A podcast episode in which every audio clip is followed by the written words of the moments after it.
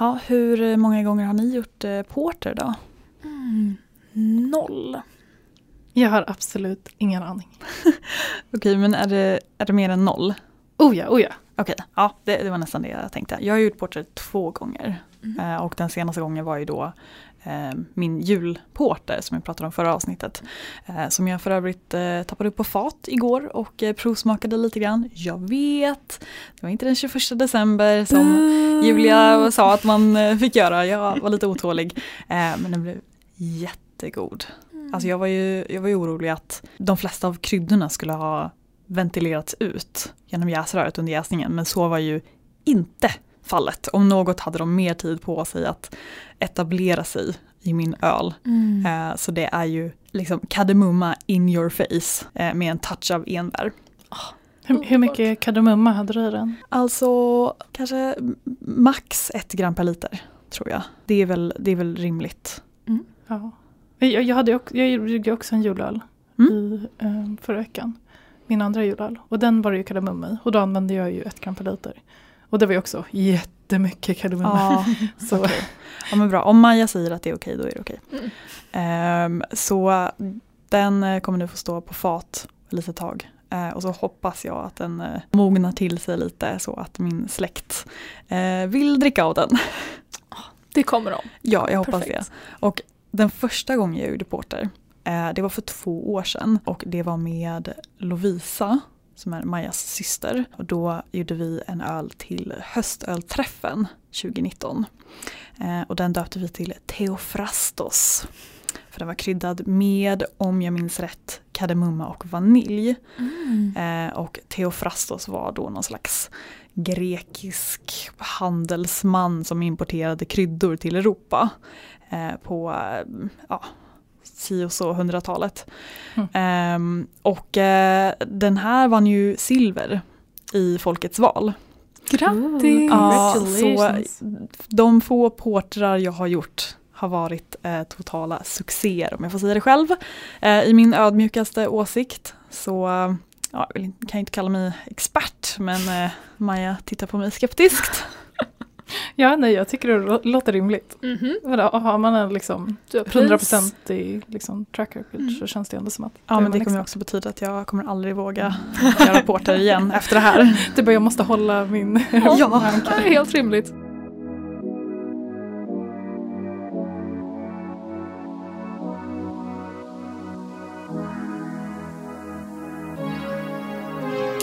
Hej och välkomna till Humlepodden med Julia Jacka. Maja Koivunen. Och Rebecca Findell. I eh, dagens avsnitt så kommer vi prata lite om porter och stout och ehm, kanske gå in lite på glögg. Och vi ska ha en julmustprovning. Eller Julia ska ha en julmustprovning i alla fall. Och sen kommer vi prata lite med Anneli från Train Station Brewery och Marie från Danderyd Bryggeri. Det blir kul. Häng med!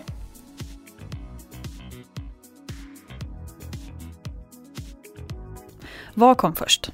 Hönan eller ägget? Porter eller stout? De här mörka ölstilarna har en lång och sammanvävd historia som sträcker sig 300 år bak i tiden. Då de kallades rätt och slätt brun öl. Eh, men hur gick vi från en tråkig övergripande paraplyterm till de namn vi använder idag? Frukta icke, för det ska jag berätta. Precis som IPAns historia så är portens ursprung inte helt glasklar. Ett genomgående tema med ölstilar är just att de växer fram under många århundraden eh, med hjälp av kreativa och experimentella bryggmästare. Men stilen förblir ganska mytomspunnen på grund av brist på bryggprotokoll från 1700-talet. Den mest välkända berättelsen, men tyvärr minst bevisbar, är den med herr Ralph Harwood, ägaren av Bell Brewhouse i östra Londons Shoreditch. Året är 1722 och Ralph Harwood ska brygga ett öl till puben Blue Last som var populär bland Londons arbetarklass. Främst starka män som bar varor och gods mellan lagerlokaler och marknader. Vad tror ni att den här eh, yrkesgruppen kallades? Peasants. Porters. Exakt. Oh my god. Porter från latinets portare som betyder att bära, lyfta eller frakta. Gud. Vad som var typiskt i den här tidsperioden var att blanda öl från olika fat. En strimma öl kallades thread och vanligtvis blandades tre öl i gästens glas, alltså en three thread. Det här berodde på lite olika faktorer, god service med individanpassad öl till exempel, men också en ovilja att vaska kass öl och därför blandar man ut den med en lite godare öl. Men alltså var är det här i Mhm. dagens Sverige? Alltså individanpassad öl. Mhm. Var kan vi hitta det? Det jag behöver en bryggpub som Jag vill ha här. tre olika IPA i mitt glas. Alltså ursäkta mig alla er som eh, liksom äger bryggpub, kan ni inte liksom införa det på standardmenyn? Ja. Alltså jag Mhm. menar så länge ni har tappar så kan ni ju köra den Exakt. individanpassad. Mm. Ja, vill du köra 30-30-40 eller vill du ha 50-20-30? Mm. Alltså det här var ju ungefär 299 år sedan så jag tror att nästa år, Mm. Då Det är är, det dags. Ja. Det är sant. Enligt den här berättelsen så ville Harwood göra den här blenden redan från början med hjälp av en komplex maltnota med mycket brun malt som åstadkom samma smak och effekt som en three thread med bara en thread. Bartendern slipper blanda öl höger och vänster och gästen blir serverad god öl fortare. Som ni kan tänka er blev det en stor succé bland de här yrkesmännen och namnet Porter fastnade. Alla levde lyckliga i alla sina dagar, snipp snapp snut, så var sagan slut. För det här är med största sannolikhet en saga. Självklart finns det korn av sanning att hämta. Three threads och konsten att blanda öl var absolut en verklighet.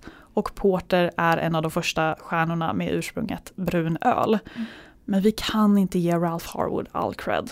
Vi spolar fram några år till 1773 då vi har vår första litterära källa från en herre vid namn George Watkins.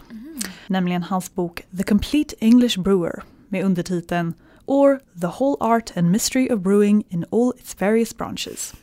Den här boken finns för övrigt tillgänglig som pdf och e-bok hos farbror Google tack vare The New York Public Library. I bokens 500 sidor läser vi om att ingredienserna, förutom malt och humle, innefattade i sin glass och fläderbärssaft vars djupt röda färg var identisk till oxblod.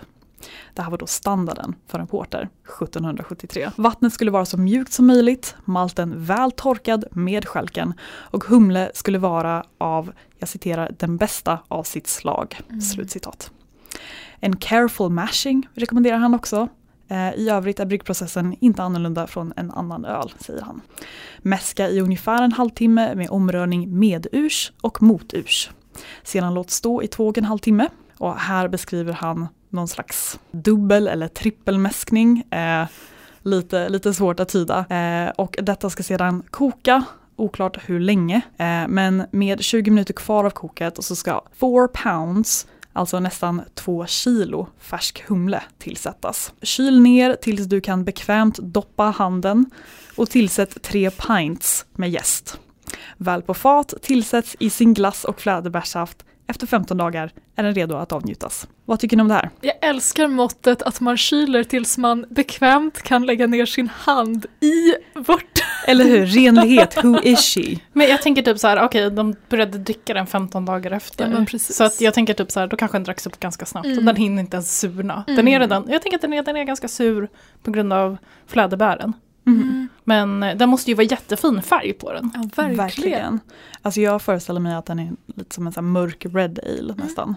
Den här boken är fruktansvärt intressant. Den har som sagt 500 sidor och innehåller allt från historiska recept och bryggmetoder till den bästa jorden för humleodling och hur du fixar ett kast öl. Jag skulle kunna prata om den här boken i evigheter men alas, vi måste gå vidare. Porter var riktigt hett under andra hälften av 1700-talet. Det importerades eh, av de amerikanska kolonierna eh, fram till revolutionen då de började brygga eget. På 1820-talet i London var porten det mest populära ölet. Och det var också det första massproducerade kommersiella ölet. Häromkring skedde också industriella revolutionen och knappt månader efter att ångmaskinen blivit patenterad så kastades den in i varje porterbryggeri i London. Vi kan även tala om Horseshoe Brewery i London som höll världsrekordet i det största träfatet för lagring av porter. Kan ni gissa hur många liter vi snackar om här? 3000 kanske? Mhm, bra gissning. 5000. Okej, du drog till 5000 liter, det är ganska mycket. Eh, rätt svar är 32 500 hektoliter, eh, drygt 3 miljoner liter. Eh, och 1814 sprack ett av de här träfaten och översvämmade London i porter som resulterade i rivna väggar och hus och åtta personers död. Fatta Eh. att drunkna i öl. Alltså så här, fett, fett sad. Alltså fett sad. Mm, Mhm. Men också, är inte det the way to go? Alltså drunkna i öl. Ja, Alltså, ja, Kanske. Det, det är ju den. Jag är både exalterad och förskräckt av den här berättelsen. exakt. Och att, eh, att bryggeriet slog igen portarna några år senare förvånar nog ingen. Nej. Scandal. 1870 hade porter sjunkit ordentligt i popularitet och vid 1920-talet var ölstilen oigenkännbar från sitt tidigare jag. Svag, tunn och smaklös. Jag citerar ett öl för gamla män. Slutcitat. Men idag har porten börjat komma tillbaka, i flera varianter dessutom, efter att ha fallit i glömska. Att välja mellan har vi engelsk porter, maltig, chokladig, karamellig, amerikansk porter, stark, rökig, förvånansvärt humlig och baltisk porter, rostad, knäckig och lakrits. Min personliga favorit är engelska Samuel Smith och deras The Famous Taddy Porter. Eh, men om vi går vidare då. Stout. Första gången ordet stout användes i ölsammanhang var redan 1627 för att beskriva en alkoholstark öl, oavsett stil. Men den kom att förknippas starkt med porter. På engelska kan stout användas för att beskriva en storväxt och eller muskulös person.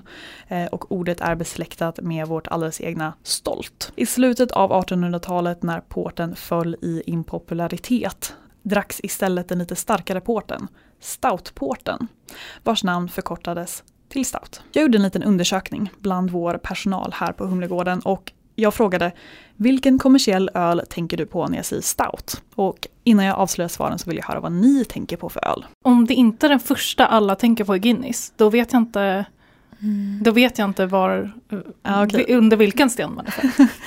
Julia, tänker du på något, någon speciell? Alltså jag tänkte ju på Nerd Brewing, mitt favoritbryggeri. Men eh, nu när du sa Guinness tänkte jag självklart att det är, ja, det är Guinness som är den man ska tänka på. Jag förstår. Eller ska och ska. Jag bara. Bör. Stigbergets Troubled Sleep, Omnipojos Noah Pecan Mudcake, Bravo Tango från Connecticut Valley, Yeti Imperial Stout och Poppels Russian Imperial Stout nämndes. Men det rungande svaret var ju självklart Guinness, den folkkära stouten från Irland. Det är inte helt utan merit som folk tror att Guinness är stoutens urfader. Hade inte bryggeriägaren Paul Espinas ramlat från sin häst och dött så hade Arthur Guinness inte kunnat hyra de bryggerilokalerna vid St. James's Gate. 1759 skrev herr Guinness ett hyreskontrakt för 45 pund per år i 9000 år. Eh, det sägs att Guinness fortfarande betalar 45 pund i hyra. Huruvida det är sant kan vi spekulera. Kontraktet är inte längre giltigt men att han ens fick fastighetsägaren att gå med på det är faktiskt imponerande. I- I mean respect. Alltså, Ja, förvisso så tror jag att det stod i annonsen så här, hyrs ut på obestämd tid Ja, eller något sånt där och så drog han till med Exakt. 9000. Och Ja, 9000. hyresvärden bara fuck yeah, gud vad skönt det här är löst. Arthur Guinness började producera sin brygd Guinness Extra Strong Porter som de exklusivt exporterade eftersom det enda som serverades på irländska pubbar var importerad brown ale. Detta berodde på alkoholskatt som satte käppar i hjulen för de inhemska bryggerierna. Men när den släpptes på så var Guinness Extra Strong Porter populärast i stan. Trots att irländarna gärna dricker gin och whisky. Men det är inte bara Guinness som har bryggt stout på Irland. 25 mil söder om Dublin så har vi staden Cork där de höga halterna av kalksten gör sig gott till kornodlingen och det rena vattnet är fördelaktigt för bryggarna. Sent 1700-tal hade vi två större bryggerier som tillverkade stout, nämligen Murphys och Beamish and Crawford. Och totalt så fanns det ungefär 25 kommersiella bryggerier eh, vid det här tillfället. Men trots goda förutsättningar och många verksamheter uttryckte sig en herre att The beer is by far the worst I have ever tasted. År 1785 i Cork. Det här var ju då i jämförelse med de mer avancerade bryggda ölerna som importerades från London. Vid sekelskiftet 1800 kvarstod endast nio bryggerier och detta århundrade kom att bli deras glansår. Utökad teknologi tillsammans med det ultimata klimatet för att odla korn och lite subventionering för inhemsk ölproduktion gjorde susen. Olyckligt nog slog svälten till 1840 eh, och alkohol var en populär tillflykt, vilket var positivt för verksamheten men förödande för folket. Hur som helst, Murphys, Beamish Crawford och självklart Guinness står stabilt än idag och brygger mörk öl som frälser även moderna öldrickare. När jag gjorde min research så stötte jag på lite roliga etiketter från stout, porter. Det här finns då att kika på Mikrobryggerimuseet i Seattle. Men man kan också hitta det i boken The Oxford Companion to Beer Eh, och då vill jag höra lite vad ni, vad ni tycker om de här ölnamnen. Mhm. Milk Stout har vi ju hört. Mhm. Ja.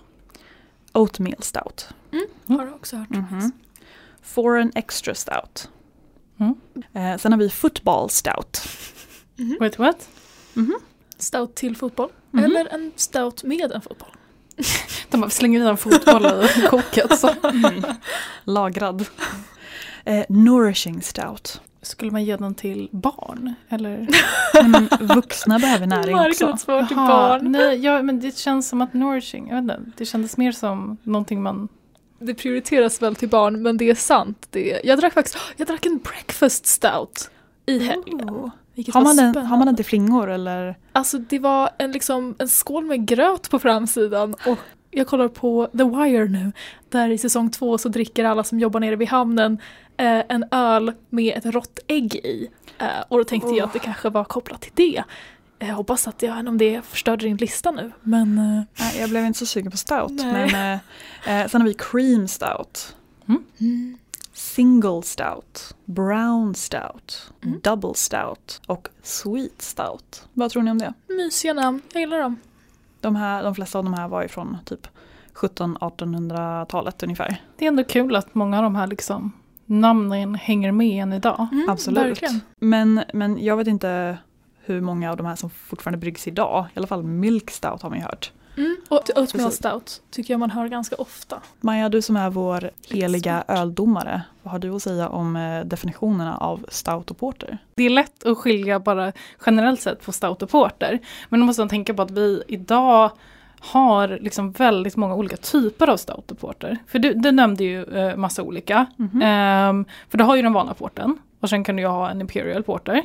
Och den är ju mycket starkare. Och sen har vi Brown Porter som inte är lika rostad. Och sen har vi ju de här amerikanska Porter och Stout. Och sen har vi ju Oatmeal Stouten som du nämnde. Eh, bryggs även idag med massa havre. Och Foreign Stout. Eh, dry Stout. När man tänker på Stout, då tänker i alla fall jag på en Dry Stout. Mhm. Eh, vi har Extra Stout, eh, Imperial Stout, Coffee Stout. Mm. Oh, gott. Eh, chokladporter, rökporter, pastry stout. Oh. Ja, men det är de här som ska, de smakar kaka. Typ. Mhm. Ehm, sen kan de vara fatlagrade eh, och sen, ja. Men det, det, det beror i alla fall på lite liksom vilken av dem man pratar om. Men generellt sett, om vi kanske jämför den vanliga dry stouten med den vanliga liksom porten. Då är det ju som att de har gått om lite varandra. Du nämnde ju att när man, man brukade kalla den stout porter, då var den liksom lite starkare. Extra stark liksom. Ja, precis. Eh, men idag skiljer man på stout och porter. Då brukar ofta porter vara stout, eh, starkare än stout. Jaha. Mm. För stout idag, i alla fall liksom den vanliga dry stouten, den är liksom en sessionöl. Den ligger runt 4-5% vanligtvis. Eh, och porten brukar faktiskt ligga, man brukar inte kalla den en sessionöl för det första. Och sen brukar den ligga lite högre, 5-6%. Inte jättestor skillnad, men det är som att de har gått om varandra där. Att istället för att porten är den svaga och stouten är den starka. Alltså om man ska dricka mer än en så är de få procenten ganska stor skillnad. Mm. ja, jo. Det är, och sen beror det ju på också hur stora. Alltså ska Mhm. du dricka liksom ett litet glas eller dricker den här halvliters? Men det där är jätteintressant faktiskt för när jag hör stout då tänker jag direkt på typ en imperial stout. Mm. Eh, och då blir det nästan så att det vänder sig i magen på mig för att jag tycker att det är jobbigt att dricka. Mm. Det är liksom ofta det är mycket rostat, det är mycket choklad, det är mycket kaffe, det är mycket av allt plus mycket alkohol. mm. Men det behöver inte vara så alltså. Nej, alltså idag är ju liksom Imperial Stouten ganska stor. Men jag, jag håller med dig där, jag kan ha lite svårt att dricka Alltså jag kan dricka lite Imperial Stout men det blir så mycket smak och ibland så vill man bara ha den där lättdruckna goda stouten. Ja. Enkla. Men så i alla fall, det, stouten är en sessionöl brukar man kalla det. Och porten inte kanske lika mycket session. Stouten Eh, den är oftast liksom torrare, den är mycket tydliga rostade toner. Eh, man brukar ofta göra en, eh, brukar ha eh, rostat korn i. Det brukar man kanske inte ha lika vanligt i porter. De har mycket så smak av typ kaffe eller lakrits, lite sådär starkare rostade eh, smaker. Medan porten, den blir mycket maltigare, mycket chokladigare, eh, lite kanske lite mer komplexare maltbild. Mm. men det tänker lite mer men, jag, jag har svårt att förklara, kanske lite omfamnande än vad stouten är. Den ska vara ganska liksom liten. Utan att säga att den, den ska inte vara liten i kroppen. De brukar ofta vara en blandning mellan att den är kolsyra och eh, kväve. Um, för att den ska få en liksom, lite roligare, trevligare eh, kolsyra. Får jag komma med en kontroversiell åsikt? Vadå? Jag tycker inte att Guinness är speciellt gott. Nej. Okej, okay, det var inte kontroversiellt för er. Nej, jag tycker det är okej. Jag vet Jag, att... jag drack en Guinness i fredags. Mm. Så det, jag har det ganska färskt. Mm. Um, och skummet, det är ju jättetjockt. Mm. Och jag tycker inte att det är gott. Mm. Och den är ju, det märks att det är en, en dry stout. Den är väldigt torr. Men den är lite blaskig. Ja men det så. är ju en sessionöl. Den, du ska ju Men kunna jag liksom ha hälla bara i den. lite, lite mer kropp. Ja men då kanske du snarare ska gå på, alltså kroppen är det väl kanske lite mer åt porterhållet. Eh, Mm. Om du vill åt mer kropp. Men sen vill du ha mer att den ska vara starkare kanske eller mer rostad eller lite mer karaktär. Då kanske du ska gå mer på en extra stout. Ja, för sen drack jag Guinness for an extra stout. Mm. Och det är ju alltså det är som natt och dag. Mm. Den var så mycket godare. Mm. Nej, men det är den jag har hört, och nu vet inte jag om det här är sant, men någon sa till mig om att de inte ens säljer liksom den riktiga och bästa Guinness-stouten utanför Irland. Att om man vill ha den bästa Guinness-produkten så måste du köpa den i Irland för basically allt de skeppar utanför landet är lite sämre. Jag vet inte om det är en lögn eller om det är sant eller om det är bara att folk inte förstår det här om eh, att det som är deras bästa är For an extra stout. for an extra stout. Och att folk blandar ihop det med att det inte är samma sak. Jag vet inte. Men ja, jag har vänner som har varit i Irland och de är ju liksom frälsta. Eh, men ja, då, så är det verkligen om man pratar om, om just Guinness Mm. med någon som har varit i Dublin. Mm, Då är det så här, ja det här är ju världens godaste öl. mm, Och det kan jag absolut förstå för att då är den dagsfärsk. mm, det är ju också det. Då kan du ju Mm. se på morgonen när de rullar in faten. Mm. Men det som du dricker ja, kanske i Sverige eller i andra länder det är inte samma produkt. Ehm, för att Guinness producerar Guinness i 46 olika länder. Eh, så det är inte sant att den ölen du dricker kommer från Irland ens. Men det är ju självklart fortfarande Guinness men kanske inte irländsk perfekt Guinness. Ja men för, för jag har ju varit i Dublin och besökt Guinness. Och det är ju ganska stor skillnad på om du köper Guinness här i Sverige än om du liksom dricker den på Guinness eller liksom i en irländsk pub. För precis som Rebecca sa så är det liksom, man ser på morgonen kommer de här bilarna och levererar Guinnessfat. Eh, liksom kastar av dem, de, de kastar typ ner dem från bilen. Uppriktigt. Ja, de lägger typ en liten kudde på marken och sen släpper de ner fatet på kudden och sen rullar de in dem i bryggeriet. Väldigt effektivt. Men, eh, men det är liksom det är dag och natt, det är verkligen en jättestor skillnad. Men jag tror att det kanske främst beror på det här med att den är färskare. Mm. Alltså den, är- den är inte jättestark öl.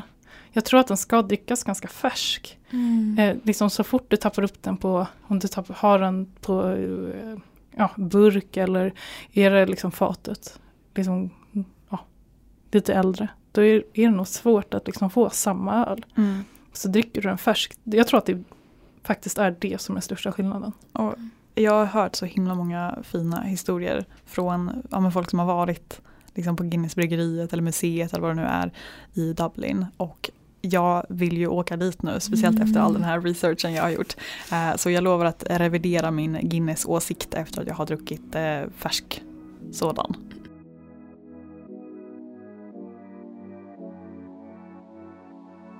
Jag, jag, jag nämnde ju inte den stout porter-sorten som jag tycker är den värsta. Mm. Låt höra. Det är ju oyster stout. Eh, oyster som i... Ostron. Ja. Alltså det låter så. Förlåt, hur... Är det att man ska dricka det tillsammans? Eller är det ett ostron i ölet? Snälla säg att det bara är en öl som lämpar sig bra till ostron. Nej, så jag förstår det så har ostron i öl. Men vem kom på det här? Ja, det undrar jag också. Jag har inte undersökt. Så. Jag, jag har hört om det och jag har liksom hört att folk har pratat om det. Men det, jag har aldrig liksom djupdykit liksom i det. Men jag tycker att det är sjukt. Å andra sidan, jag kan tänka mig att den här havssältan kanske gör sig bra i en mörk öl. Alltså, kanske- har ni ätit ostron? Nej, Aldrig. jag har varit i Belgien vars nationalrätt är just moule frite. Ah, vilket är självklart, ja. om det är musslor eller ostron och, Jag tror det är musslor. ja, och pommes. Mm. Eh, och när jag var där så jag äter ju inte animalier. Eh, så när jag gick på den här moule frite restaurangen så fick jag då fritt. Eh, det vill säga bara pommes. Eh, så Det jag, låter dock bättre. Ja, Ja det var men jättegott. härligt. Eh, nej jag har ingen erfarenhet av någon form av sån där liten eh, snäckkompis. Ja. Nej, för jag har ju ätit ostron. Jag ska försöka fatta mig kort, för jag är ju Julia, queen av långsökta anekdoter. Men, alltså, mina föräldrar ville ju kultivera mig och min syrra när vi var små. De har så här, en regel i vår familj att man ska alltid prova allt, du ska uppleva allt i detta, den korta stund du är på jorden. Så när jag var 12 och min syster var 8 eller något så ville de bjuda oss på ostron. Och de hade ju, det var fredagsmiddag, de hade köpt ostron, de hade dukat det jättefint. Och jag tänkte, liksom för att jag var indoktrinerad i det här, att man provar alltid vad vi får prova. Men någonstans i mitt huvud var det också så här att ja, ostron, man äter ju dem levande. Vänta, gör man? Ja, Alltså jag vet Va? att man äter dem alltså, otillagade, men vadå dödar man dem inte på något nej, sätt? de lever när man äter dem. Är det de, därför de ligger på liksom en tallrik med is? Fan vad sjukt! Ja, så det är också den. Um, det är alltså mina föräldrar, vi kommer komma till det. Um, men jag var så här, ja men jag vill prova det här. Um, och alltså det är det äckligaste i hela världen. Alltså det är ju, konsistensen är ju slime. Det är ju som att äta slime som bara smakar äckligt havsvatten. Det är bara äck, det är äckligt i munnen, det bara lägger sig på tungan som en jävla ja, slime. och, eh, Jag har hört att man måste, alltså folk som gillar det, att de är typ såhär, ja men man måste ha citron på typ. Ja, men alltså, vi gjorde ju säkert det, vilket jag också kommer ihåg att jag hade ångest över. Man har ju typ salt och citron på, vilket är liksom den värsta smärtkombinationen. Och det här är det jag minns för att det är liksom, jag har den här i munnen, det är det äckligaste jag ätit och jag vill spotta ut den. Men det jag tänker är, det här är ett djur som lever. Och jag har också, förutom att jag äter den här levande, har jag liksom squeezat citron på och salt som värsta psykopaten. Och jag vill spotta ut, men jag, och det här också at the time, jag visste inte att eh, ostron inte har nervsystem.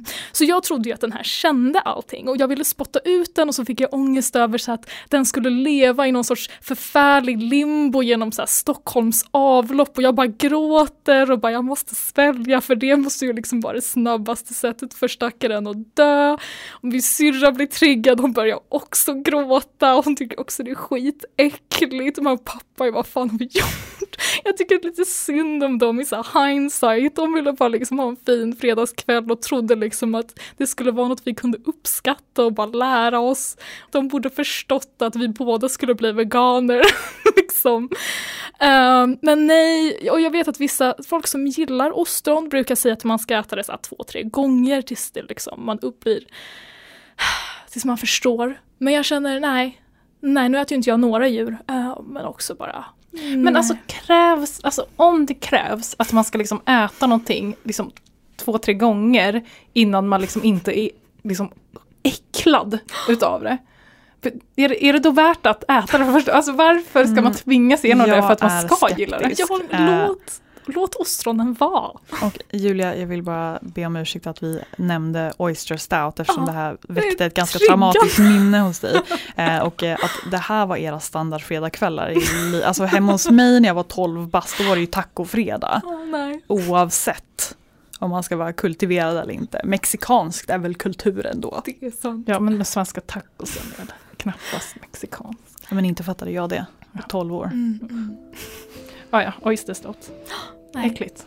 Blanda inte ihop ostron och en så trevlig öl.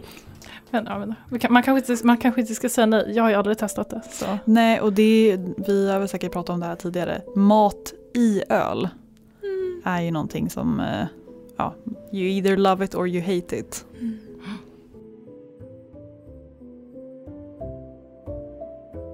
Tack och lov har jag en lite roligare anekdot från min barndom. Det är inte bara trauma, utan jag har även fina minnen. Ett av mina starkaste julminnen från min uppväxt eh, var när mamma tog fram vår vackra gamla Arvegodskanna i glas med dansande tomtar på. Och pappa i denna kanna försiktigt måttar upp sockerdricka och öl. Jag fick ofta ett glas sockerdricka i samma veva som pappa gjorde det här så det kanske är det som gör det lite nostalgiskt. Men mumma har alltid varit en av de juligaste sakerna jag vet och en väldigt spännande dryck som jag som barn alltid verkligen såg fram emot att en gång få smaka. Har ni druckit mumma? Nej, jag har eh, lite blandat ihop mumma och memma.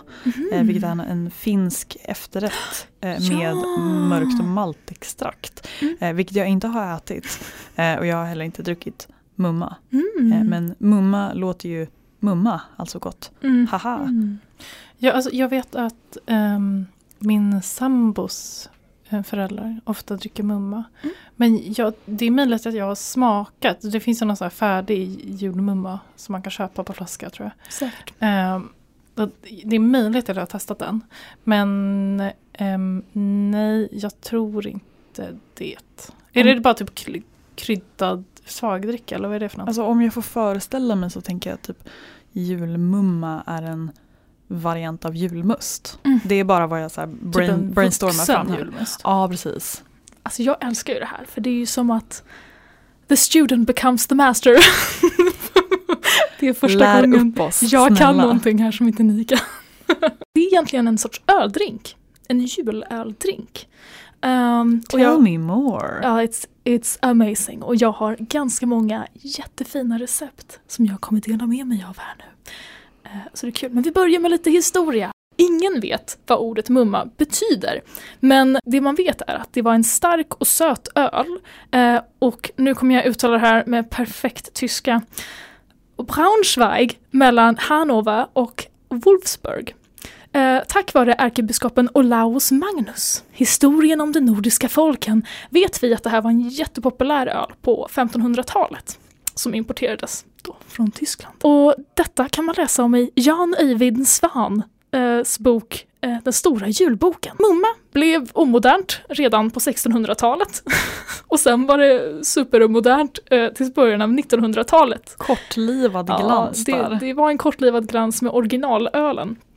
Men i början av 1900-talet, då hittade de väl ehm, lite gamla manuskript och tänkte, ja men det där lät ju härligt. Istället för att ha en färdigbryggd öl så gjorde man en mix av porter, sockerdricka, sprit och kryddor.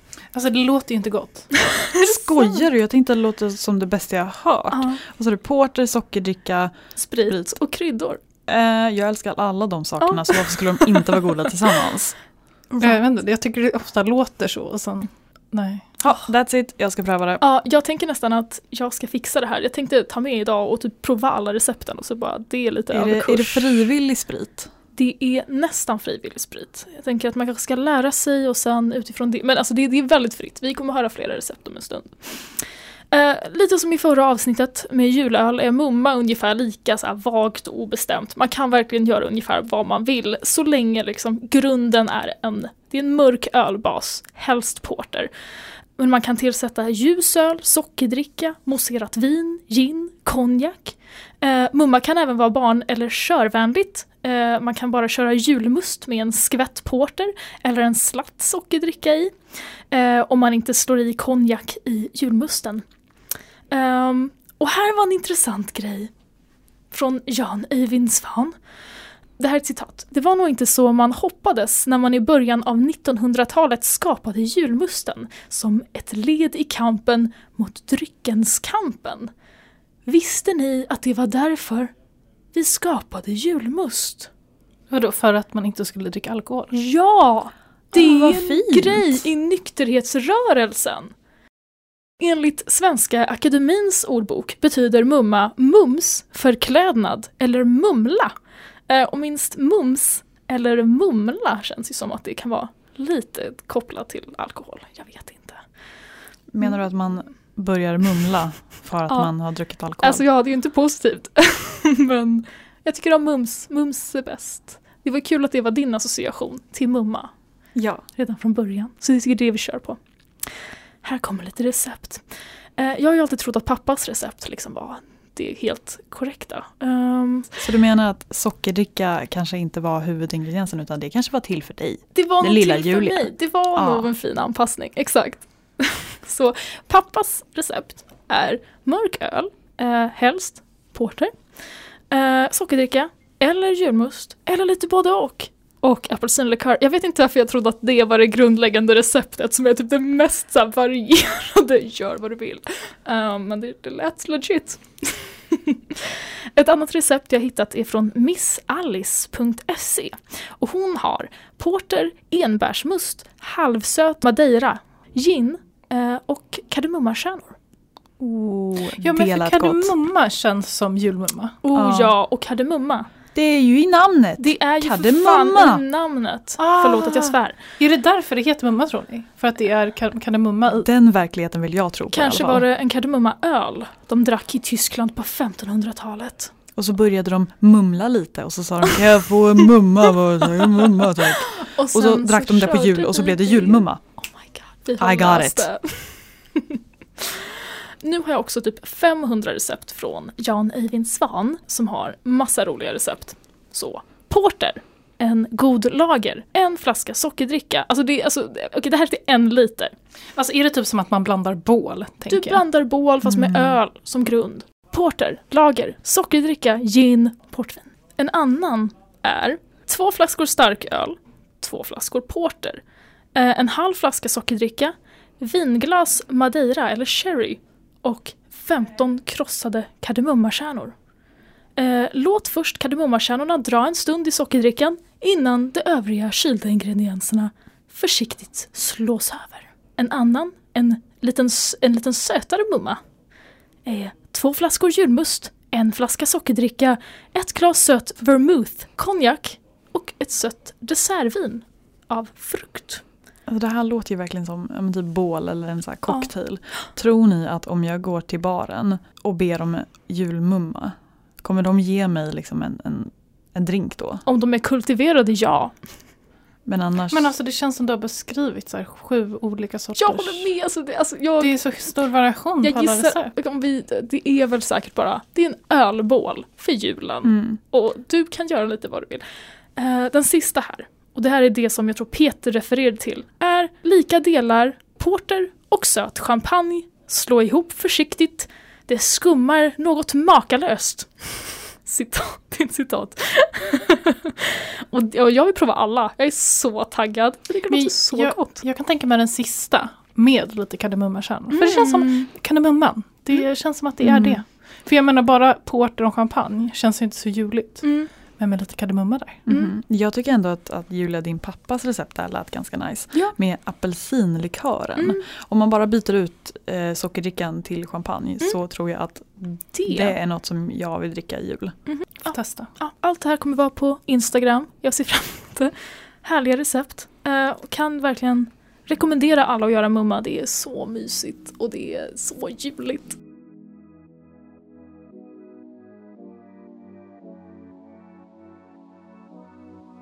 Vi börjar från början. Glögg är ju bara liksom kryddat sött vin.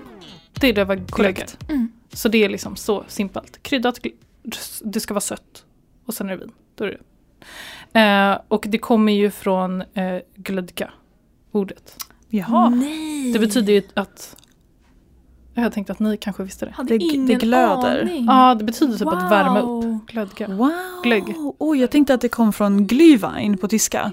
För det låter ju lite som glögg och så är det vin och det tänkte jag, ja men det, det måste ju vara det. Men glödka låter ju tjusigt. Alltså det kan ju vara så att ordet på tyska också kommer från Ja. deras ord för glödka. Alltså Kan svenska och kan tyska är ganska likt.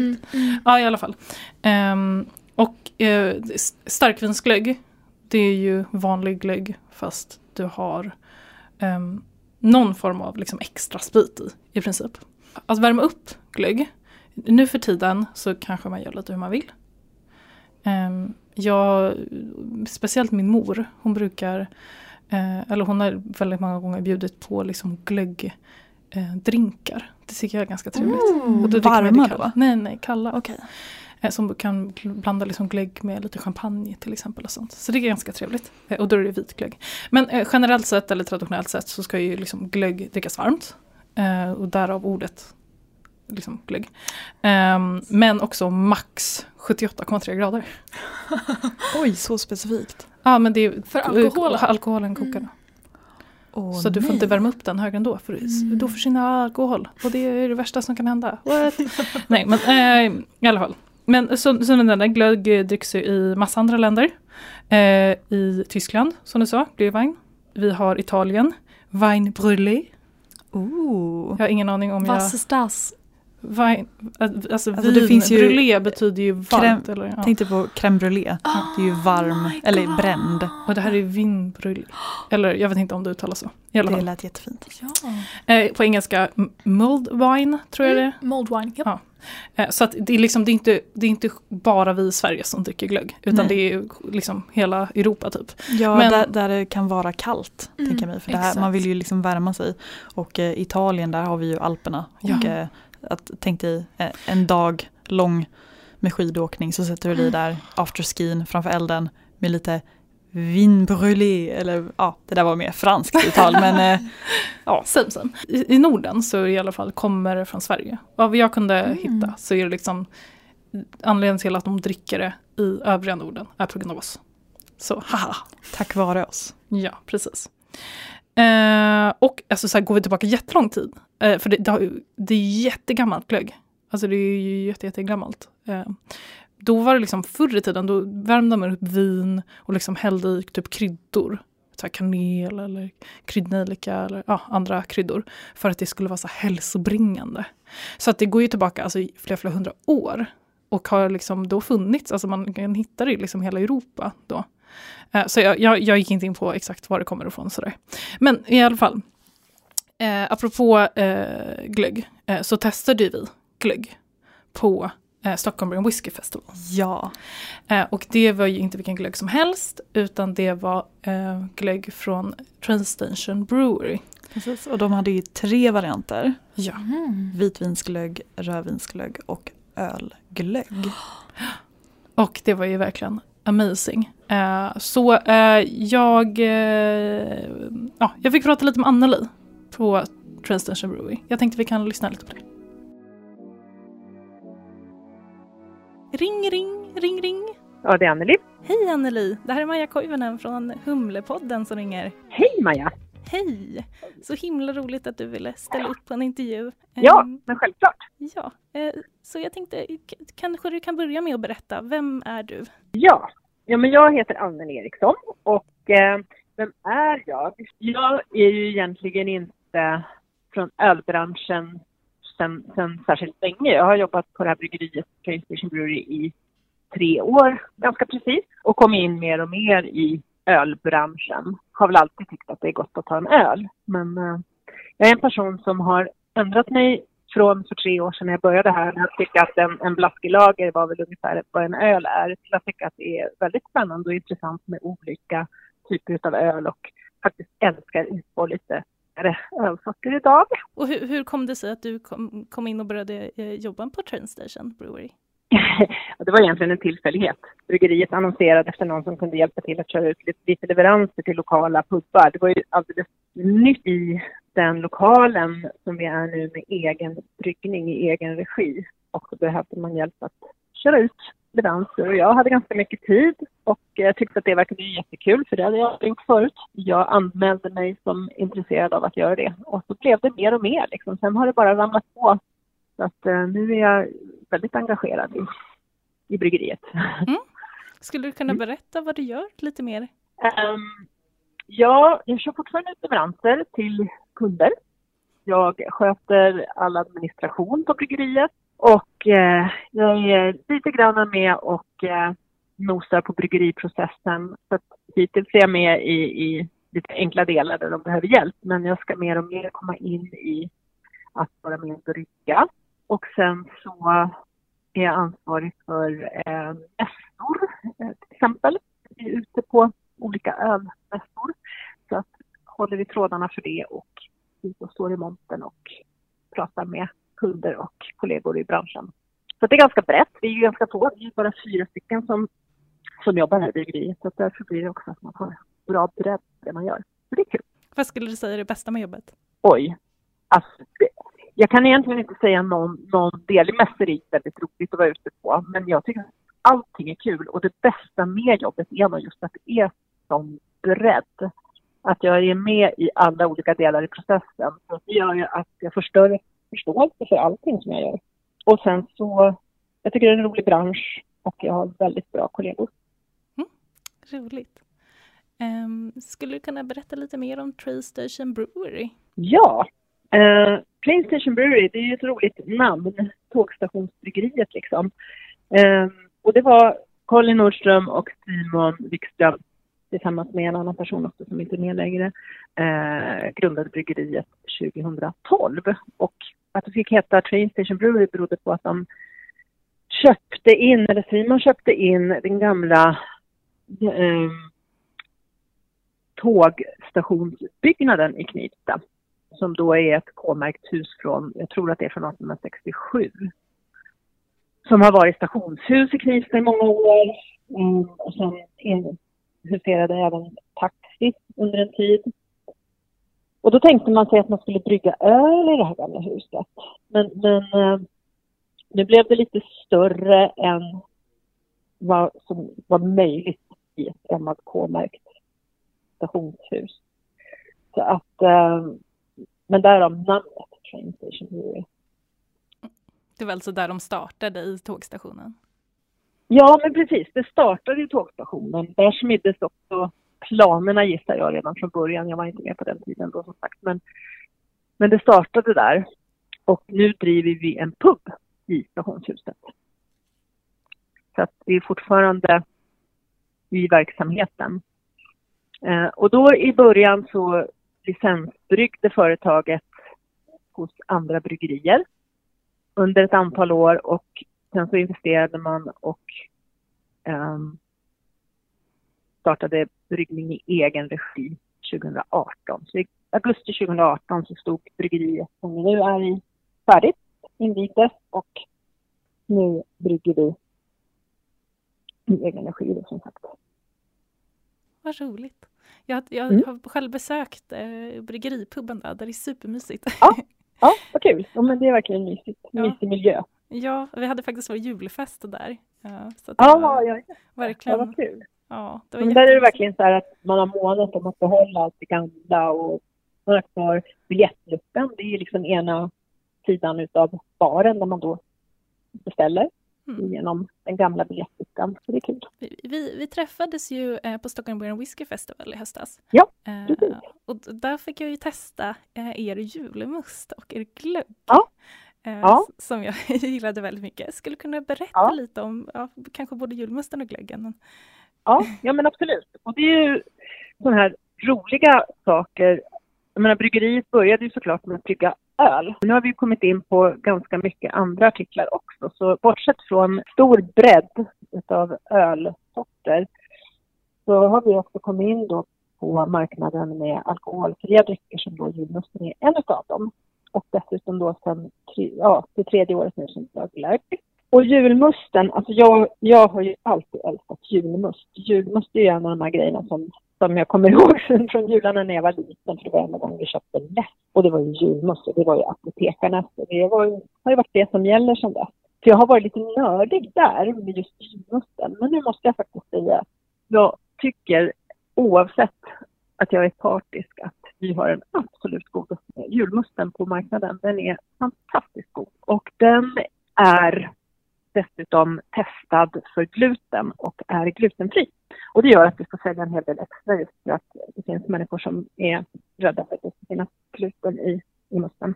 Så den är lite speciell. Och glöggen, som det är som sagt är tredje året som vi gör i år, där har vi tre olika glöggsorter i år. Vi har saffransglögg som är gjord på vitt vin. Vi har rödvinsglögg som gjord på rött vin och sen så har vi en ölglögg. Förlåt att avbryta men det måste ni ändå vara nästan ensam om. Jag tror aldrig någonsin har sett ölglögg försäljning. Nej, nej, jag har aldrig hört talas om det någon annanstans. Men Eh, traditionellt här i Sverige så gjorde vi faktiskt glögg på svagdricka. Okej, Så intressant. det är, ja, precis.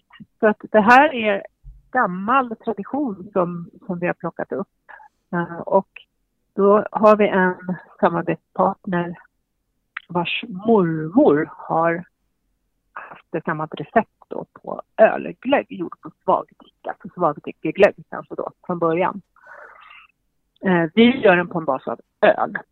Eh, för att det har visat sig att det, den, det blir väldigt mycket bättre smak på den. Och vi kan ju då göra den på vår egen öl. Så att vi brygger ölen och vi eh, låter den jäsa en gång till för att komma upp i eh, alkoholstyrka. Och smaksätter sen då med alla glöggkryddor och ingredienser som, som frukter och så vidare som, som gör den här glöggen till vad den är. Och den är verkligen fantastiskt god. Den smakar ju förstås glögg. Ja, det, jag håller med om att den var väldigt god. Jag fick ju smaka den där på Mm. Stockholm Whisky. Mm. Den var ju fantastisk. Man, man Ja. var lite så här, ölglögg, vad är det? Ja. Funkar det liksom? Men det funkade ju fantastiskt bra. Så den är vi stolta över och vi är stolta över all vår glögg. Som, jag vet inte om du provade saffransglöggen eller rödvinsglöggen Ja. Ja, jag testade faktiskt, eh, alla tre gjorde jag. Eh, Ja, jag. Jag har ju generellt haft lite svårt för ehm, saffran eh, i, Ah. eh, ibland i, liksom, i, i dryck och så här. Jag tycker att det kan dra åt, eh, eller jag påminns om eh, fiskgrytor och sådana saker. Det är lite ja, ja, ja. Eh, men jag tyckte den var verkligen jättegod. Det passade verkligen bra tillsammans med det vita vinet tyckte jag. ja, ja men vad roligt. Och jag älskar den också. Verkligen. Mycket smak av saffran. Mm. Och det är väl lite sådär generellt för alla våra produkter skulle jag vilja säga. Att det är ingenting som är, vi, vi, vi strävar efter att inte vara lagom. Vi är, vi är alltid lagom. Och det kan man faktiskt läsa på både flaskor och lådor ifrån oss. Den här ölen är inte lagom, till exempel. Det är ganska roligt faktiskt. Att inte vara lagom. Ja, det är ganska vanligt i Sverige annars att vara lagom. Det är ganska vanligt i Sverige att försöka vara lagom, för lagom är bäst. Men vi tycker inte att lagom är bäst. Utan vi vill sticka ut lite grann med våra produkter och, eh, och det gör vi också. De är fantastiska. Mm. Vad roligt. Ja. Men jag, jag tänkte, tänkte på det med glöggen där. Hur tycker du att glögg ska drickas bäst? Varm eller kall eller är det olika? Det är verkligen en smaksak. Det är också en sån här traditionellt så tycker vi att vi ska ha uppvärmd glögg. Och det är ju, ja men det är lite grejen med glögg att man har en glögggryta och värmer upp den och så vidare. Men det är faktiskt inte nödvändigt. Och vi har lite delade meningar om det här i fyra på bryggeriet. Vi har allt ifrån att, ja men gärna kall med en isbit till att nej den ska vara varm. Jag tycker att den är fantastiskt god och kanske i synnerhet ölglöggen, att dricka den rumstempererad. Den är så vacker också i kulören så att den får liksom lite avec avec-känsla. Lite grann i botten på en konjakskupa till exempel. Men det är lite, eh, ja, lite upp till hur man själv gillar att dricka den. Ja, det är faktiskt det. Och, ja, och jag tycker att man ska våga prova. Ja, jag Tycker tyckte jag. det lät intressant där, kall med en isbit i. Det tyckte jag lät, det lät Ja. ett trevligt sätt att dricka, Ja. dricka Ja. glögg på faktiskt. Precis. Men vad, vad kul. Och de, de går att få tag på via Systembolaget? De lanseras på Systembolaget och då finns ju de i det lokala sortimentet. Vårt lokala sortiment innefattar ju Knivsta, Uppsala, Märsta, Sigtuna, så det är Mälardalen. Men det, den finns ju naturligtvis att beställa ifrån alla systembolag. Och jag gissar att den går, går att dricka på puben också. Ja, ja, ja, den går att dricka på puben. Ja. Jajamensan, ja det gör den. Och får jag fråga då, vilken, vil- vilken som är din personliga favorit då? Både mellan glöggen och eh, vet du, de alkoholfria alternativen och ölen. Av glöggen så är det nog ölglöggen som är min personliga favorit. Totalt av alla produkter, det är jättesvårt för att vi är så olika. Ska jag välja en öl så är det nog våran West Coast IPA. Ja, du nämnde ju att du gillade IPA mycket. Så. Ja, Det är en bra representant för Train Station Brewery också. ja det tycker jag. Det tycker jag. Eh, Den är väldigt fruktig och fyllig och god, mycket smaker. Och eh, den är inte den bäskaste IPAn vi har. Och, men ändå ganska mycket beska och väldigt mycket frukt, smak.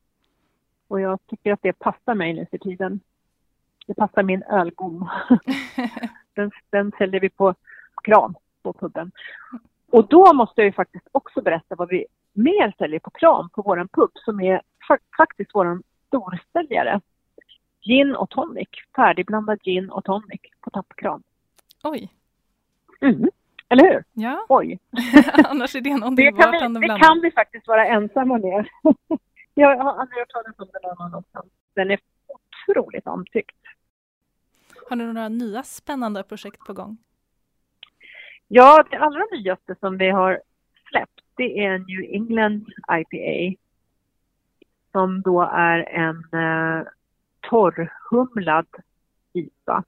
Och det får resultatet att den är, jag tycker att den har en viss beska. Men den är väldigt mycket, läg, har väldigt mycket lägre beska då än en vanlig IPA. Men otroligt mycket humlesmak. Och eh, den är väldigt, väldigt god. Och det är vår allra, allra första single batch series. Så den heter single batch series nummer 001 Neipa. Och det lät ju som när du säger single batch. Den, den har ni bryggt och sen tar den slut och är den slut eller? Ja, exakt så är det. Så vill man prova den så är det bara att passa på nu. Ja. Den är väldigt god. Och det kommer att komma fler i den serien. Single batch series. Och det är lite roligt för det, det blir ju att, att eh, vi kommer ut med lite verkligen specialprodukter. Men eh, tack så jättemycket för att du ville ställa upp på en intervju. Ja, tack själv. Tack för att jag får vara med. Ja, Ja, så kanske vi ses någon gång om jag dyker upp på puben. Ja, det gör vi. Absolut. Du får Du är så... välkommen. Ja, tack så mycket. Du får ha det så bra Anneli. Tack detsamma. Tack. Hej. Och jag vill, måste ju få ge ett uh, shoutout till den här ölglöggen då som vi nämnde. Ehm, den var så otroligt god. Och jag är, jag är inte en, en glöggperson, eller jag, har, jag börjar lära mig bli en glöggperson. Ehm, och det som var så himla speciellt med ölglöggen var just att det smakade som glögg redan gör med russinen och mandeln. Oh, wow! Så det smakade liksom som en, en färdig glöggmugg. Mm. Men det var inte sådär, jag vet inte, vinaktig. Det är inte så konstigt eftersom det inte var en vin. Exakt. Eh, det var verkligen en ölglögg för mig. Eh, och jag håller på att lära mig göra glögg. Så Mm. jag återkommer med resultat. Ja. Eh, och någonting annat som jag har lärt mig göra är ju julmust. Mm. Som vi pratade om i förra avsnittet. Eh, mitt lilla recept som jag hade skrivit upp på en servett. Som jämfördes med Majas väl beprövade metod och recept. Och vi utlovade en liten smakprovning Mm. som vi ska ordna i eh, alldeles strax. Och då vill vi alltså att du Julia Mhm. ska provsmaka min julmust, Majas julmust och den lite mer eh, okonventionella blandningen som är lättöl och cola. Kan det smaka julmust?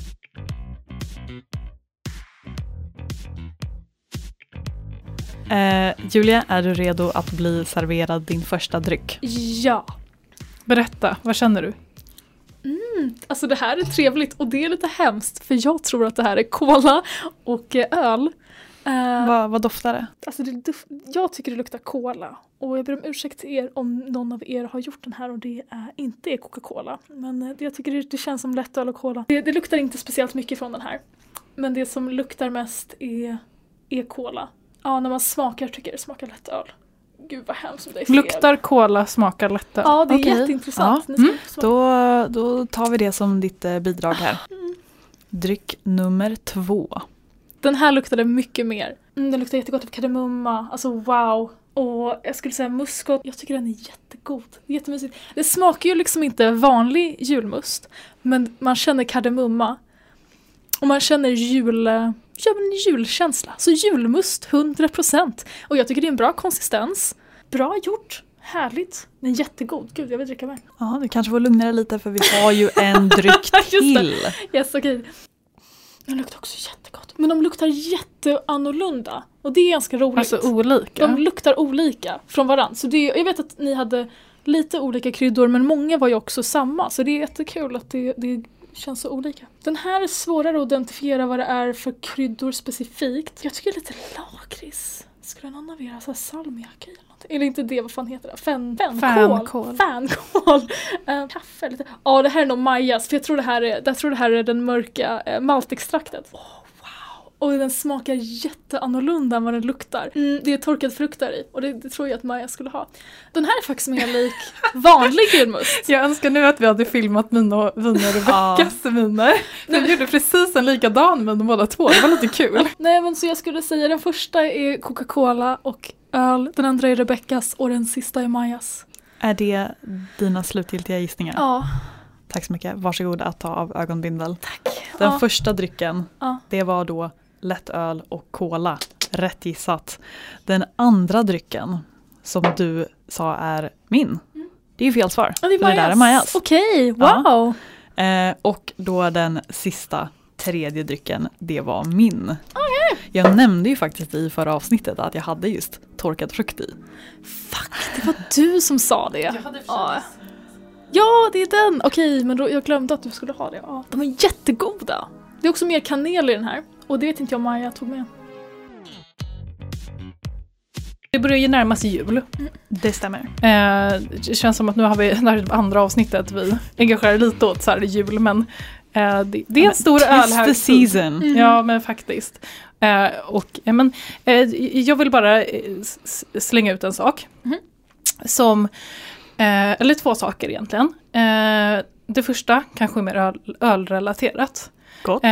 Ja, öl är gott. Eh, vi har ju, eh, eller jag har, min pappa och eh, hans vänner har varje år en julölsprovning. Och i år så kan jag inte gå på den, jag är jätteledsen.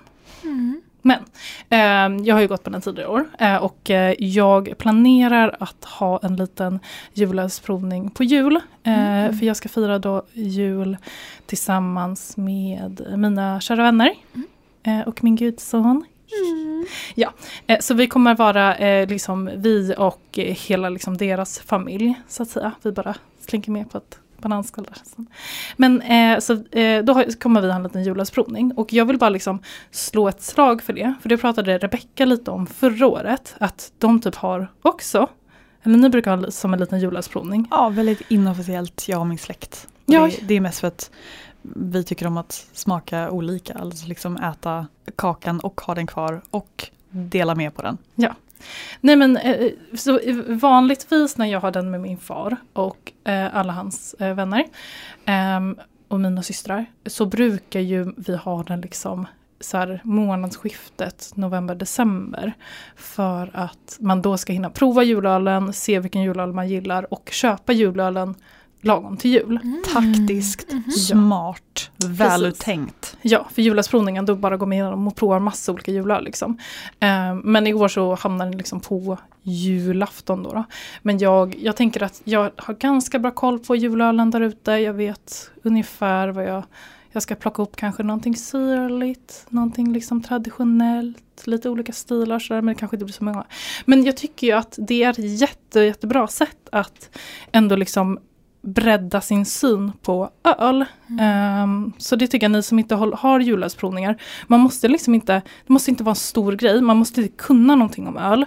Man måste heller inte liksom planera speciellt mycket utan det handlar bara om köp några olika typer av öl och kör typ en flaska av varje. Mm. Beroende på hur många ni är. Och sen bara går ni liksom laget runt och sätter er ner och tycker till om varje öl. Eh, vi brukar göra så att vi har kanske 20 öl men vi har också har gjort det här några gånger. Mm. Så jag tänker att alla kanske inte orkar med 20 öl. Men vad vi brukar göra då är att vi har 20 öl och sen får man eh, man dricker dem eh, och sen diskuterar man dem och sen poängsätter man dem också. Så att Okej. det finns liksom en Men vinnare Oh wow. eh, varje år. Så jag vill bara pusha lite för det. Att, eh, håll liksom julölsprovningar. Man måste inte kunna någonting om öl Mm. för att hålla det. Man måste bara gå till Systembolaget, köpa lite olika julöl och sätta sig ner och testa och diskutera dem. Exakt, för det här handlar ju mer om vad man tycker är gott. Mm. Ja, det här är ju och verkligen då, bara då finns det ju inga rätt och fel. Mm. Utan eh, det är drick och bestäm det som är din fempoängare eller tiopoängare eller vad det nu kan vara. Och sen en sak eh, som inte kanske är ölrelaterat. Eh, men som jag också, eh, som är ganska stor i min familj i alla fall. Eh, och det är det här med julklappar. Mhm. Ehm, för vi har nästan typ slutat göra julklappar i min familj. Okej. För konsumtionssamhälle. Mm. Ah. Smart. Ja, det, det är lite liksom, varför behöver man konsumera så mycket? Och sen är det också det att när alla, liksom, när det inte är liksom små barn i familjen, utan när alla, när alla liksom är vuxna, eller liksom, då, man köper ju det man behöver och vill ha själv. Och visst, alltså så här, det är kul att ge presenter. Alltså jag älskar att ge presenter till Mm. andra. Det är så kul. Men jag vet inte, det, det är inte lika roligt att få presenter tycker jag. Eh, nej men så vad vi har börjat göra som är mer en tradition i min familj är att vi kör julklappslek istället. Eh, Helt och hållet? Ja. Okej. Eh, så vi, har, vi kör liksom, vi har gjort det de senaste åren nu, att vi har en eller två julklappar man ska ta med sig. Det beror lite på vilken julklappslek man kör. Eh, men jag kan verkligen liksom pusha för det alla där ute. Att det, liksom, då gör man någonting roligt utav det. Då blir det liksom inte bara, liksom, bara julklappar. Det är inte bara det här eh, läsa upp namnen på paketen, kasta ut dem och så sitter alla och river upp massa papper utan det här är ju lite mer av en aktivitet. Ja, det, det blir skoj, det blir tjo och. Ja, men så vad vi brukar göra, eh, vi har generellt sett gjort eh, två olika lekar. Eh, en är att man lägger in, eh, då kanske man har så att alla ska ta med sig en inträdesjulklapp till Okej. julen. Och det är liksom så här, man ska ta med sig en julklapp. Och julklappen ska typ kunna passa typ alla. Alltså det måste inte kunna passa exakt alla. Men de flesta, man ska, den ska ändå vara ganska generell. Eh, men det kan ju vara, alltså, så här, jag, någon gång tog jag med mig så här, typ handskar eller typ s- vet det, sockor eller något sånt där. Och det är så här, okej men den storleken kanske inte passar alla. Men det är ändå liksom ganska generellt. Det är inte liksom något så superpersonligt. För vad man gör är att alla lägger in alla julklappar i, i mitten av bordet. Och eh, sen slår man eh, med eh, två tärningar. Ja, jag Och- har kört det här. Mm. Ja, och när man får, eh, det är lite olika här beroende på hur man kör. Vi brukar köra, får man, eh, jag tror att då får man dubbelt. Mm. Alltså får man två fyror eller två femmor eller två sexor eller sådär. Då får man ta en julklapp. Och man slår bara en gång och sen går det vidare till nästa. Mm. Så att, men, det, det finns mängder av sådana julklappslekar och jag skulle verkligen så rekommendera alla att köra med sådana. För det är så mycket roligare än att liksom försöka komma på, ah, okej men vad ska jag ge till mamma, vad ska jag ge till pappa, vad ska jag ge till min lillebror, bara liksom och fundera på liksom perfekta presenterna. Bara, det här är så mycket roligare. Mm. Alltså man får fortfarande, man kan få någon liten present och sådär. Och då är det ganska kul, jag brukar så här, nu på senare år har jag liksom kanske börjat göra saker som man kan eh, liksom lägga i så här, små lavendelpåsar eller något sånt där. Mm. I min släkt så har vi, ju, ju mer släkten expanderade, eh, både med barn och med liksom sambos och partners och sådär, så insåg vi att det, det blir lite för dyrt om man ska köpa en present till alla. Ehm, så för några år sedan så började vi med att alla som har en stabil inkomst eh, får eh, bara en present och då drar vi lott. Så, Secret Santa! Precis, det är lite Secret Santa. Ehm, så att då har vi en summa. Liksom så, max så här mycket pengar får presenten kosta. Eh, och då så ger man bara en present till den personen och sen så får, behöver man lista ut, okej vem gav presenten till mig då? Och så, eh, jättekul. Ehm, och det är ju också att vi kan lägga mer fokus på barnen. Mm. Ehm, nu börjar ju barnen, i min släkt i alla fall, bli lite, lite stora men de är fortfarande studenter. Ehm, så då tycker vi att de, de, kan, de kan ses som barn fortfarande.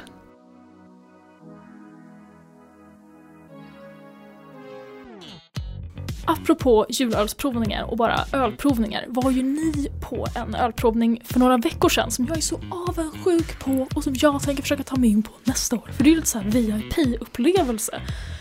Ni var ju på Danderyds eh, bryggeris...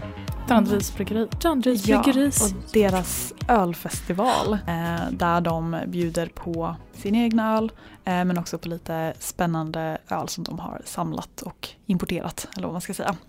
Eh, och det var jättemycket spännande öl. Det var typ så här nioårig krik Mm. Ehm, som var jättegod självklart. Men min favorit var ju deras egna Viola.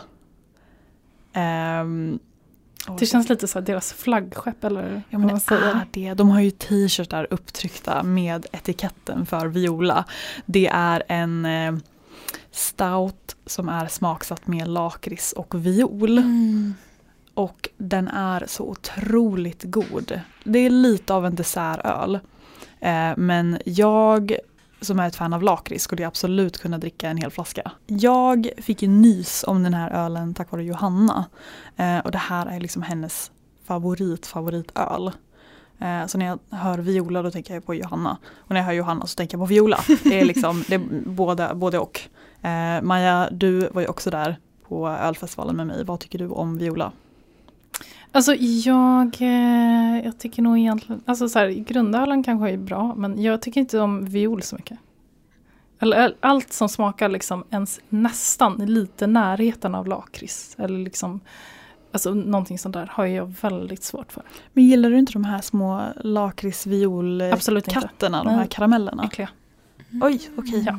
Så, eh, och den här ölen, den är ju väldigt, väldigt mycket den smaken. Alltså Mhm. gillar man den, då älskar man den här ölen. Ja, så eh, se till att eh, försöka få vantarna på en flaska Viola från Danderyds bryggeri.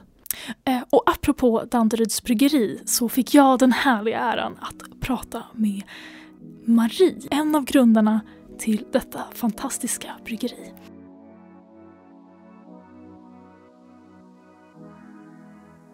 Ring, ring, ring, ring! Halloj, det är Julia. Hej, Marie Loreman här. Hej! Men, wow, spännande. Vem är du? Vad gör du? Ja, det är en bra fråga. Eh, jag, vem jag är? Jag kom ursprungligen från Småland och hamnade i Stockholm här efter många år sedan. Och eh, jag tycker om att brygga öl. Jag tycker om att dricka öl. Och jag älskar en god stout. Är min favorit. Och jag älskar att umgås med människor. Och både hörande och döva vill jag säga, för att jag är teckenspråkig också. Det tycker jag är härligt. Det låter som en helt pers- underbar person. Perfekt för det här. Gud vad häftigt. Hur länge har du bryggt? Eh, Egentligen så är det så här, vi började 2013 att brygga öl och då gjorde vi det hemma som hemmabryggare. Mm. Och eh, det, vi gör ju det här på vår fritid, för vi har ett litet nanobryggeri. Ja, men, wow, hur kommer det sig? Hur började ni det? Visionen var ju så här, eh, Peter var ju den som startade först, han hade varit i England och börjat brygga och kom hem till Sverige igen och sen var vi uppe hos honom och kollade på hans lilla 20-bryggsverk och vi tyckte det här var häftigt och så sa jag bara så här, det här måste jag lära mig. Mm. Det här är ett måste jag ska brygga, jag har en vision om att jag ska brygga öl med viola i. Så, att, så började vi, vi är fyra stycken då, jag och min man Mats och Peter och hans sambo Monica. Och vi testade och bryggde olika batcher och till slut så hade vi för mycket öl och våra vänner var trötta på att få öl utav oss. Och då satt Peter och jag hemma i vårat vardagsrum en kväll här och drack lite rödtjut. Och så satt vi där, men ska vi inte starta ett bryggeri istället? Ja, vi säger bara all in. Och så gjorde vi det. Då hittade vi lite en lokal i vårt närområde där vi alla fyra bor och på den vägen är det. Då blev det ett litet nanobryggeri. Wow. Det var kul, jag halkade in på en bananskal. Men verkligen, men du, det är ofta det bästa sättet. Vad roligt. Eh, vad är det bästa med jobbet? Det är att få skapa en produkt från ax till limpa tycker jag. Mm. Att få vara med och hämta malten, att mala malten, att brygga tills den blir klar och man ser kunden dricker ölen. Sen tycker jag det är kul att få leka med smaker. Jag älskar att baka, experimentera. Jag tycker om att sticka ut Mm. och hitta nya produkter. Ja, det är det jag tycker det är kul. Vad, vad tycker du om att jobba inom ölbranschen? Jag tycker att vi småbryggare är komplement till varandra. Och Mm. jag tycker det är härligt när vi är ute och stämningen när man möter varandra på olika event. Där uppe jag, upplever jag absolut ingen konkurrens. Jag tycker att vi är komplement till varandra. Mm. Det, det är en härlig känsla. Mm.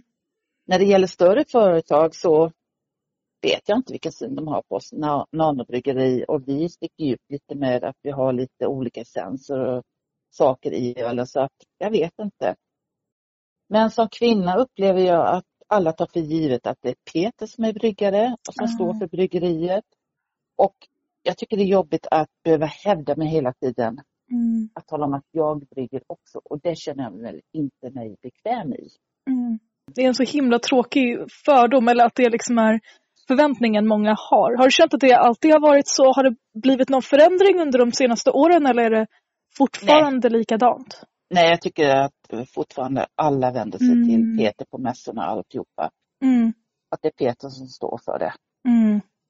Ja visst, han har ju en viss del i det hela också, absolut. Men jag tycker att var inte så förutfattad. Eh, Jag har märkt liknande saker. Nu umgås jag ju väldigt mycket med kvinnliga bryggare och då Mm. kan man hamna i en härlig liten bubbla av att det är normalt men sen kommer man ut på andra platser där man kanske inte ens blir inbjuden till en ölprovning för att man antas inte tycka att eh, det är intressant.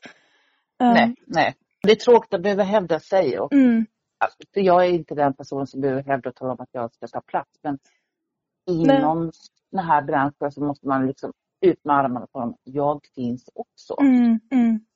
Och det känns inte okej tycker jag. Nej. Nej, men verkligen att få respekten för, för det man gör och även Mm. Att eh, vara sedd och jobba mot eh, förväntningar på vad en bryggare är. Ja precis, alla tar det för givet att det är Mm. Peter som står för alltihopa. Mm. Och han gör Mm. mycket, han är inte alls dålig på något sätt. Han är, Nej. gör ett jättebra jobb. Men det, vi finns fler. Bryggarna är ju komplement till varandra Mm. så jag känner ju glädje när jag träffar alla och det är Mm. liksom krama om varandra, det är jättemysigt, det är jättetrevligt och allting Mm. sådant. Och de vet ju att jag brygger men när det kommer då mässorna med är så tar alla för givet att det är Peter som Mm. brygger. Hoppas verkligen att det kommer bli bättre i framtiden. Även att fler anstränger sig för att lyfta fram fler. Ehm, för det finns så Absolut. många så talangfulla inom vår bransch som uh, förtjänar det för hur duktiga man är. Mm. Och jag har, alltså jag har ju vänner som avgudar din öl. Speciellt då era mörka öl. ehm, som har alltså Viola som absolut favoritöl. Mm. Mm. Så Mm. det, det är fantastiskt att du har skapat det. Jag älskar ju att göra, brygga stout och göra dessertöl. Ah, underbart. Och det finns så mycket olika tankar och idéer så det är någonting jag brinner för att hitta nya karaktärer som Mm. man har gjort innan. Och det tycker jag är jättekul. Vad är din favoritprodukt just nu? Eh, Min favoritdryck stout.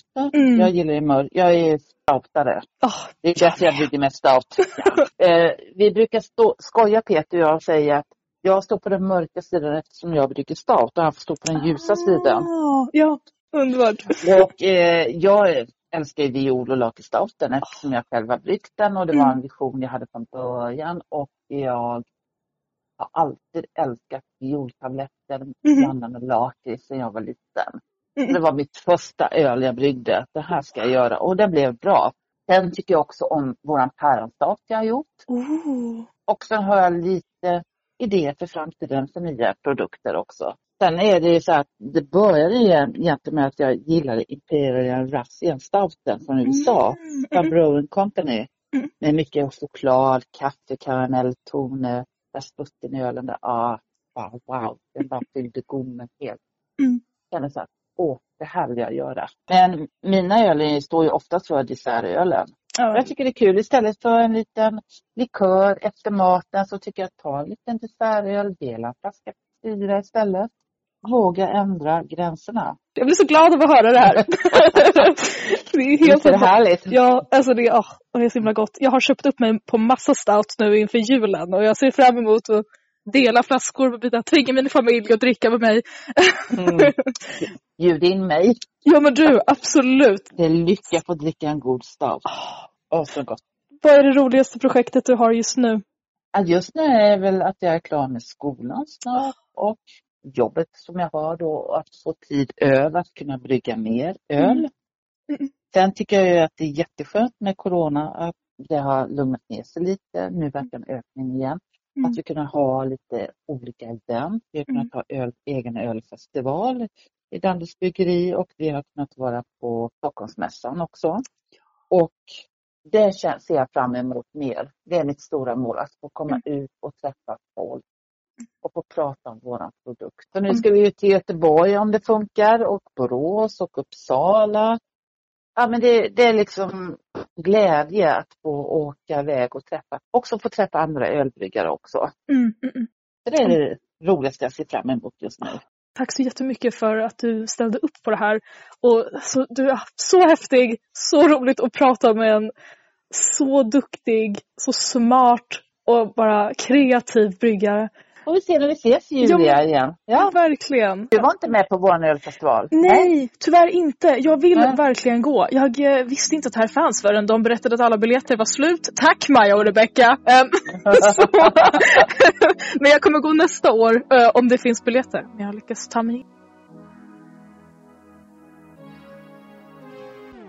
En sista sak hörni. Mhm. Ehm, jag är ju väldigt stort fan av Musikhjälpen. Woo! Ni har koll på det? Ja, såklart. Eh, För alla er som inte vet vad Musikhjälpen är eh, så är det ett samarbete mellan Sveriges Radio, Radiohjälpen och SVT. De trycker in eh, tre programledare i en glasbur som sitter där en hel vecka och sänder 24-7 för att samla in pengar till olika välgörande ändamål. Eh, varje år är ett nytt tema. Eh, I år eh, är temat eh, mot barnarbete. Okej. Jag vet inte exakt, nu, nu blev jag väldigt osäker på exakt av hur de säger det. Men det är i alla fall mot barnarbete. Mhm. Eh, så mycket vet jag, det är årets tema. Ehm, så, och jag har ju några år tidigare, jag tror inte jag gjorde det förra året, men året tidigare har jag fixat en insamlingsbössa. Eh, så i år eh, så har jag gjort det igen. Och jag vill bara liksom uppmana alla där ute att gå och skänka på vår, till vår lilla insamlingsbössa. Vår bössa heter Ölbryggarbössan. Det eh, låter väldigt fint på tungan. Så att jag vill bara ehm, uppmuntra alla där ute. Ölentusiaster, hembryggare, bryggmästare, eh, jobbar du på en bar eller bara typ gillar öl. Gå in och skänk pengar i den bössan. Vi vill visa att hela öl-Sverige är väldigt givmilda. Eh, så in och skänk lite pengar, tycker jag. Ja. Det är för en good cause.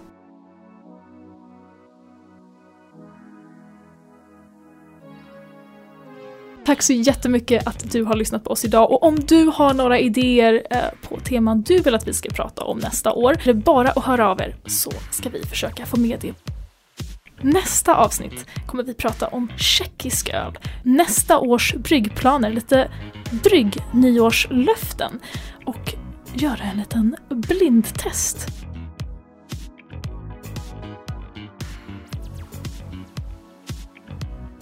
Du har lyssnat på Humlepodden med Julia Jacka, Maja Koivinen och Rebecca Findell. Du kan nå oss på podcast.humle.se och följa oss på Instagram där vi heter Humlepodden. Lyssna på ett nytt avsnitt första fredagen varje månad. Det här avsnittet producerades av Humlegårdens ekolager, manus av Julia Jacka, Maja Koivunen och Rebecca Findell. Klippning av Julia Jacka.